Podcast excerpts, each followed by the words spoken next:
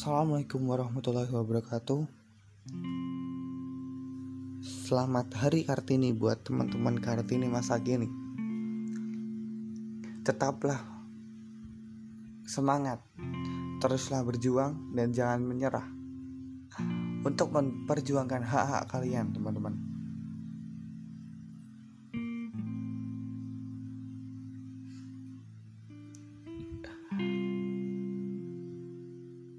Hari ini itu kan hari Kartini ya. Kebetulan banget pas banget. Uh, di sini uh, aku pengen membahas yang temanya itu mengambil dari judul buku Ibu Kartini yaitu Habis Gelap Terbitlah Terang.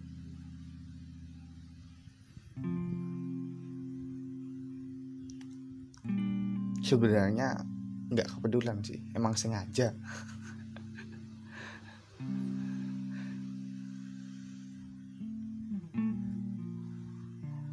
Menurutku menurutku ya teman-teman kita hidup itu salah satunya gitu.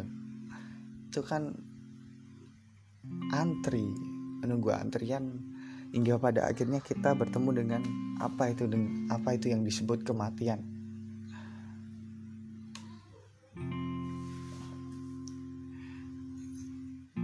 hidup di dunia ya.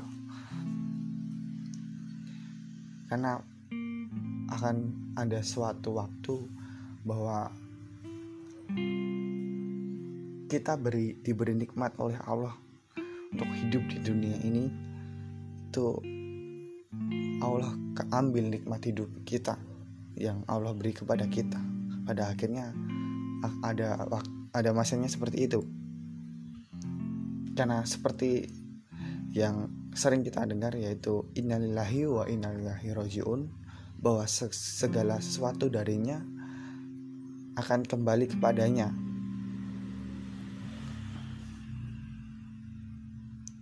Namun di tentang hidup di kesempatan hidup yang Allah berikan kita kepada kita itu mau kita buat apa? Dari lahir hingga akhirnya bertemu dengan kematian. Mau kita isi dengan apa gitu? Namun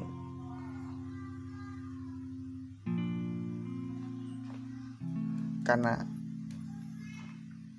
nggak mungkin kan kita mau mengubah nggak mungkin kan kita mau pergi ke masa lalu lalu mengubah hal-hal yang sudah berlalu maka kita ganti di rentang hidup yang saat ini.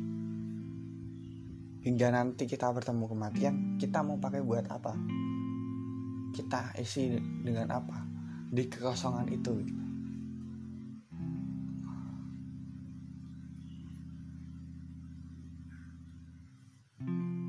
Apakah kita gunakan untuk uh,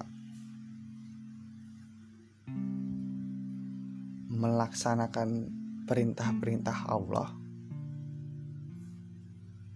atau melanggarnya? Apakah akan kita gunakan untuk sesuatu yang bermanfaat atau yang tidak bermanfaat mana yang kita pilih gitu. Itu kembali ke diri kita masing-masing. Teman-teman pasti tidak asing lah dengan sebuah pepatah Jawa. Bahwa urip iku urup bahwa hendaknya jadilah manusia yang bermanfaat bagi yang lain. Kalau dalam Islam itu ada hadisnya yaitu khairun nas anfa'uhum linnas bahwa sebaik-baik manusia itu adalah yang bermanfaat bagi manusia yang lain.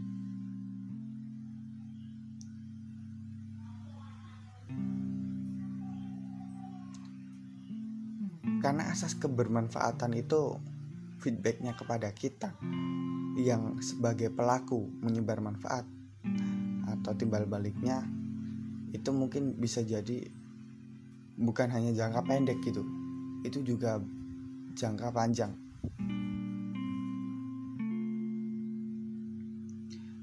Manfaat-manfaat yang kita berikan kepada uh, yang itu bisa jadi amal jariah kita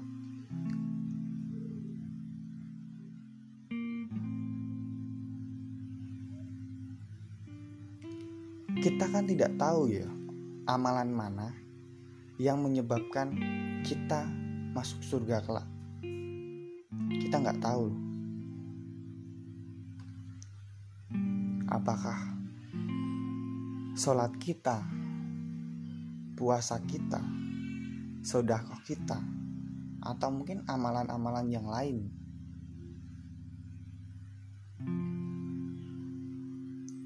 Karena mungkin saja sholat yang kita lakukan dalam lima kali sehari sholat-sholat wajib itu belum tentu diterima oleh Allah Subhanahu wa taala. Lantaran ketika kita sholat kita merasa lebih baik dengan teman-teman yang belum sholat. Bisa jadi karena kesombongan kecil itulah Allah tidak menerima sholat kita teman-teman.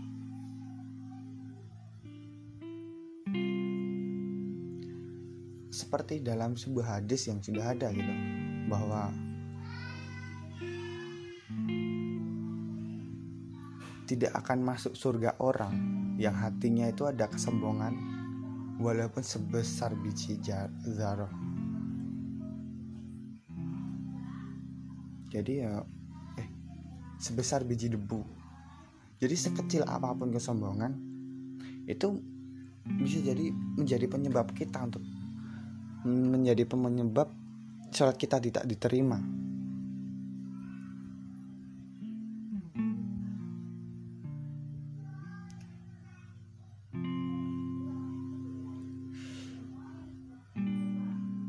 Maka dari itu, di rentang antara kehidupan kita saat ini dengan kematian yang akan akan kita temui di masa yang akan datang gitu. Kita usahakan untuk lakukan amalan sebanyak mungkin. Sebanyak mungkin amalan gitu usahakan untuk menebar manfaat sebanyak-banyaknya, seluas-luasnya.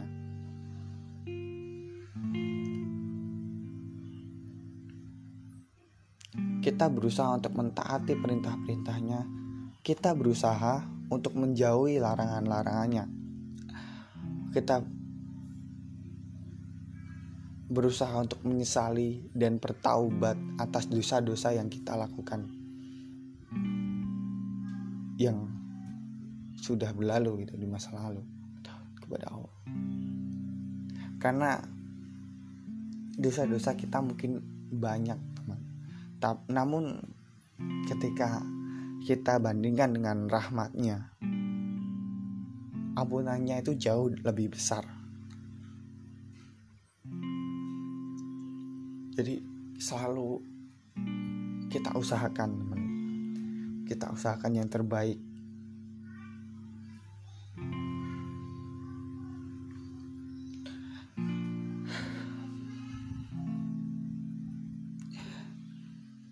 Kita itu hidup di bagian proses.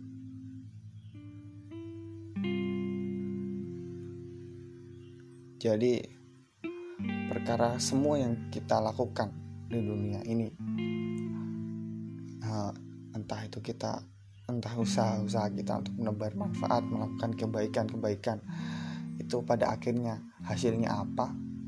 Itu kembali kepada Allah. Itu hak Allah. Pada akhirnya perkara hasil Allah lah yang menentukan. Karena Allah lebih tahu mana yang baik buka kita mana yang tidak baik buat kita karena dia malah dialah yang maha mengetahui. Seperti yang ada di dalam surat Al-Baqarah ayat 216 tetapi boleh jadi kamu tidak menyenangi sesuatu padahal itu baik bagimu. Dan boleh jadi kamu menyukai sesuatu padahal itu tidak baik bagimu. Allah mengetahui sedangkan kamu tidak mengetahui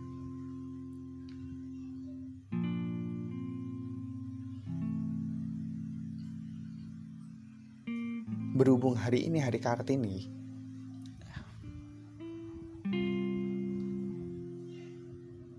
Seperti yang sudah saya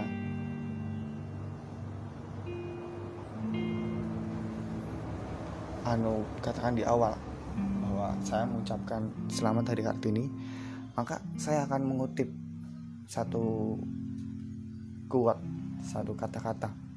Yang sebenarnya itu judul buku yaitu habis gelap terbitlah terang.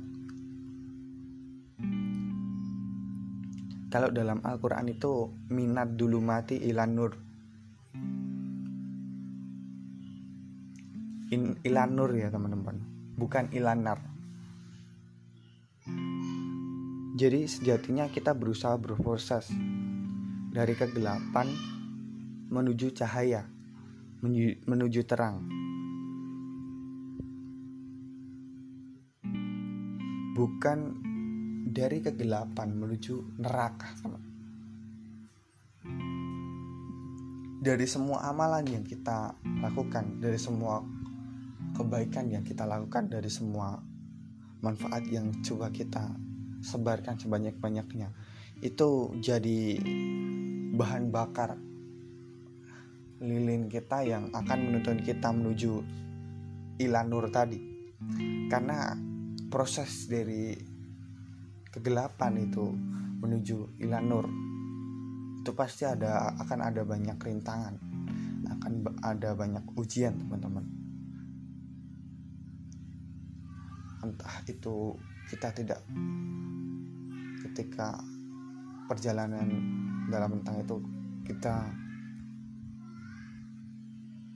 melakukan dosa-dosa yang tidak pernah kita harapkan entah apa pun itu entah kita melakukan kesalahan-kesalahan yang tidak kita sengaja.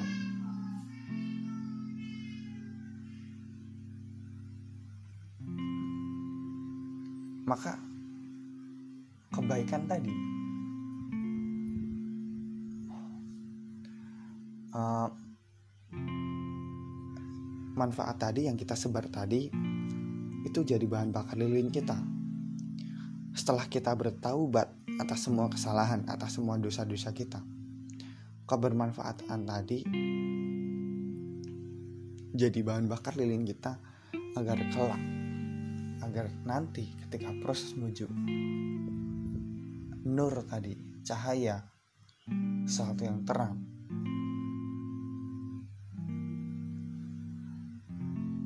uh, lilin tadi bisa menuntun kita untuk melewati ujian-ujian tadi, untuk melewati rintangan-rintangan tadi.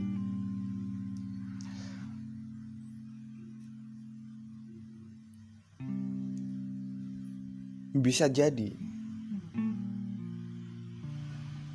kenapa Al-Fatihah itu kita bacakan setiap sholat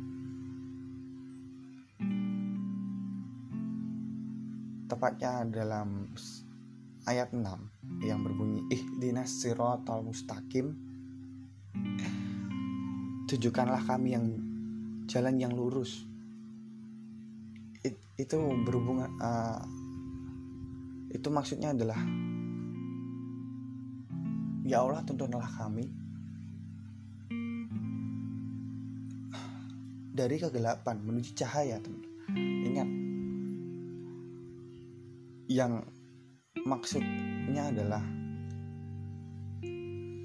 berada dalam ayat selanjutnya yaitu siratal ladina am ta'alaihim ghairil bi alaihim waladdallin. Yaitu jalan-jalan orang yang telah engkau beri nikmat kepada mereka. Bukan jalan-jalan mereka yang dimurkai dan bukan pula mereka yang sesat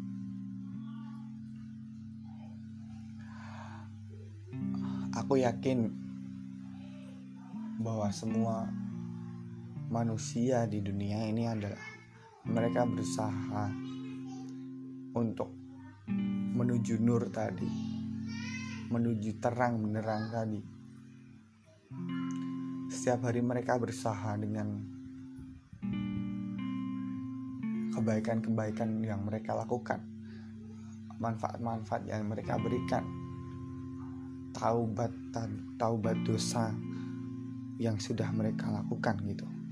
Itu itu adalah proses dari minat dulu mati menjadi ilan nur menjadi terang. Yang di mana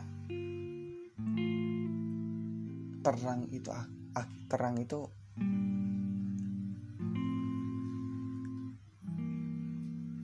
akhirnya adalah akhirat kelak. Tempat kita berasal.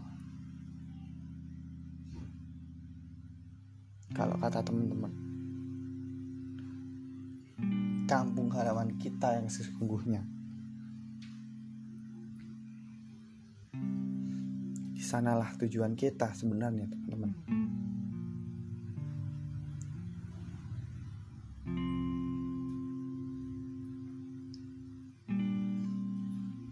Jadi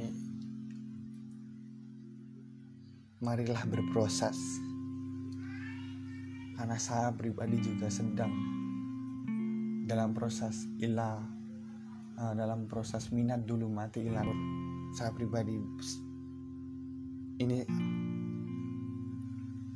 sedang berada dalam saya saya pribadi merasa dalam sebuah kegelapan yang saya ingin mengejar Said uh, menuju Nur tadi. Mungkin jika sekiranya ada yang salah dari saya, mungkin ada yang kurang pas dari saya, entah yang sengaja atau tidak disengaja. Saya mohon maaf uh, jika sekiranya tadi apa yang saya ceritakan tadi itu ada yang salah mohon dikoreksi teman-teman.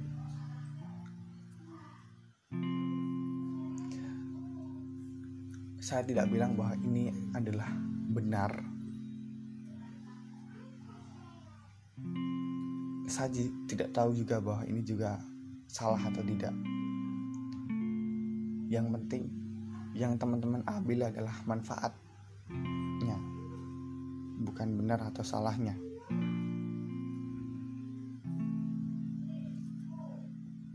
Sekian dari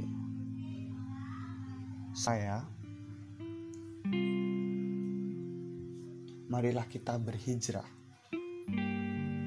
dari sesuatu yang sebelumnya buruk menjadi sesuatu yang baik. Marilah kita berproses untuk menjadi lebih baik setiap harinya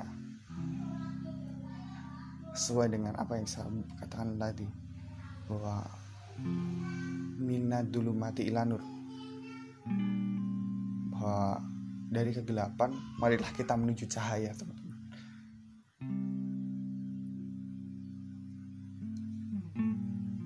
Sekian dari saya. Wassalamualaikum warahmatullahi wabarakatuh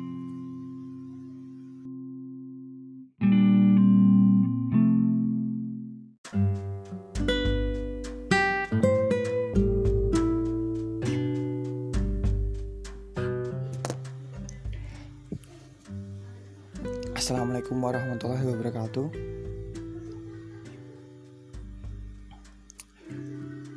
Kali ini aku gak pengen banyak bicara lah. Gak pengen banyak berkata-kata atau mungkin Atau apalah itu. Uh, Aku pengen cuma sedikit banget membahas tentang bersyukur ya. Aku sedikit tergelitik ketika mendengar mendengar hal beberapa hal gitu. Lalu aku coba pikirkan balik-balik gitu. Pikirkan ulang. Sebenarnya pas nggak sih? Kayaknya nggak pas. Menurutku akhirnya aku milih oh kayak gini tuh nggak pas. Yang tak bahas ini sebenarnya apa? Jadi gini ketika teman-teman bersyukur itu kan biasanya orang orang-orang bilang bahwa kita itu harus melihat ke bawah agar kita bisa bersyukur. Jangan melihat ke atas.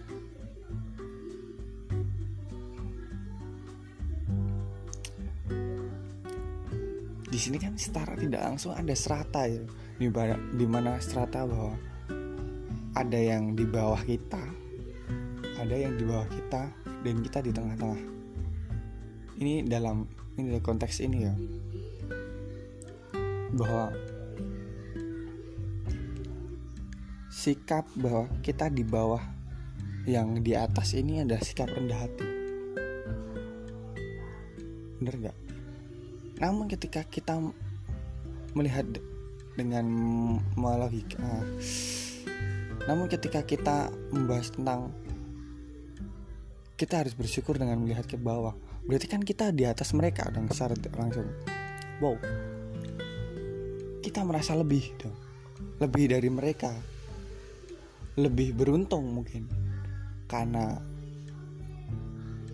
contoh ketika kita punya motor dan ada orang yang tidak punya motor ada yang pakai sepeda ontel ada yang jalan kaki kita merasa lebih beruntung bener nggak? Atau kita merasa lebih baik hidupnya? Hmm. ini menurutku adalah suatu ego rasa lebih baik itu bukankah hal yang dilakukan sama oleh iblis ketika sujud dengan Adam gitu? Dan dia menolak ketika disuruh ketika Allah menyuruhnya sujud kepada Adam dia menolak. Dia berkata aina anna khairun minhu gitu. Bahwa aku lebih baik daripada Adam. Aku dari api Adam dari tanah. Itu entah benar atau tidak apa yang aku pikirkan menurutku logikanya mirip-mirip. Jadi syarat bersyukur saran saran saya ya ini mungkin untuk saya pribadi sih. Saya saya pribadi bukan untuk orang lain. Karena aku ya cuma greget pengen cerita gitu syarat bersyukur itu jangan pernah mencoba untuk membandingkan dengan orang lain sih. Bandingkanlah dengan diri sendiri. Mungkin ketika hari ini kita gak bisa bersyukur kita punya motor. Coba ingat ketika dulu kita belum punya motor. Ketika sekolah harus jalan ketika sekolah harus naik ontel harus nunggu bis harus panas-panasan di terminal dan apa ketik uh, harus gonceng temen. Kadang iya ya seperti itulah di dunia. Kita harus yang kita bandingkan adalah kita di masa lalu ketika kita tidak punya. Kalau itu katakanlah barang ya masalah ya tentang barang itu gitu. Jangan coba membandingkan dengan orang lain yang mungkin kita anggap bahwa mereka tidak seberuntung kita. Itu salah hidup mereka punya cara mereka sendiri punya alur cerita mereka sendiri gitu loh. Bisa jadi mereka yang jalan kaki itu lebih bersyukur lebih senang ketimbang kita yang punya motor. Bisa jadi mereka yang naik ontel itu juga lebih bersyukur dan lebih senang ketimbang kita yang naik motor. Yang jalan kaki dia bisa ke mana-mana dia bisa bonceng. Dia nggak perlu mikirin motornya. Ketika harus ditinggal ketika harus ditinggal melewati jalan-jalan kecil yang tidak bisa dilewati motor. Yang naik sepeda bersyukur ketika dia punya sepeda dia nggak perlu beli bensin untuk membelinya. Tenaga bahan bakarnya ya dirinya sendiri begitu juga dengan motor yang punya motor dia dia bersyukur ketika dia punya motor dia bisa lincah ketika ada macet mungkin entah itu lampu merah atau macet karena sesuatu karena bodinya yang kecil itu bisa melewati celah-celah sedangkan mobil nggak bisa. Jadi nggak semua orang menurutku beruntung dengan versi hidupnya mereka masing-masing gitu. Ketika kita mencoba membandingkan versi membandingkan dengan kehidupan seseorang dengan kehidupan kita dan yang yang muncul adalah rasa bahwa kita lebih beruntung dari orang lain. Berarti kita lebih baik dari orang lain dong. Itu sombong mungkin ya merasa lebih baik atau apakah itu. Dan itu ego. Dan please mohon kalau untuk bersyukur jangan pernah mencoba untuk membandingkan dengan orang lain. Jangan pernah mencoba untuk melihat ke bawah untuk bersyukur menurutku. Lihatlah dirimu di masa lalu ketika kamu gak punya sesuatu itu kalau itu barang. Lihatlah dirimu di masa lalu ketika kamu tidak berada di kamu yang sekarang gitu loh. Mohon banget teman-teman bandingkanlah dirimu dengan dirimu yang bandingkanlah dirimu dengan dirimu yang sebelumnya. Bukan dengan orang lain untuk bersyukur. Karena bisa jadi kita ingin bersyukur tapi justru muncul dengan rasa, munculnya rasa sombong. Bukankah itu kita hanya berpindah dari satu kesalahan ke kesalahan yang lain kita manusia kan hanya berusaha untuk mencoba untuk tidak berbuat salah sekalipun kesalahan itu ya fitrah mungkin. Udah sunatullah mungkin ya. Atau uh, aku juga nggak tahu. Yang jelas kita memilih mencoba untuk berusaha untuk melakukan sedikit kesalahan. Jadi sekali lagi saya tekankan bahwa untuk bersyukur jangan pernah untuk mencoba menggantikan orang lain atau katakanlah orang yang di bawah kita. Menurut kita menurut pandangan umum tapi cobalah bandingkan dengan kita yang sebelumnya kita di masa lalu. Itu itu itu sedikit uh, cerita dari saya sedikit keluh kesah dari saya. Terima kasih sudah mendengarnya. Wassalamualaikum warahmatullahi wabarakatuh. thank you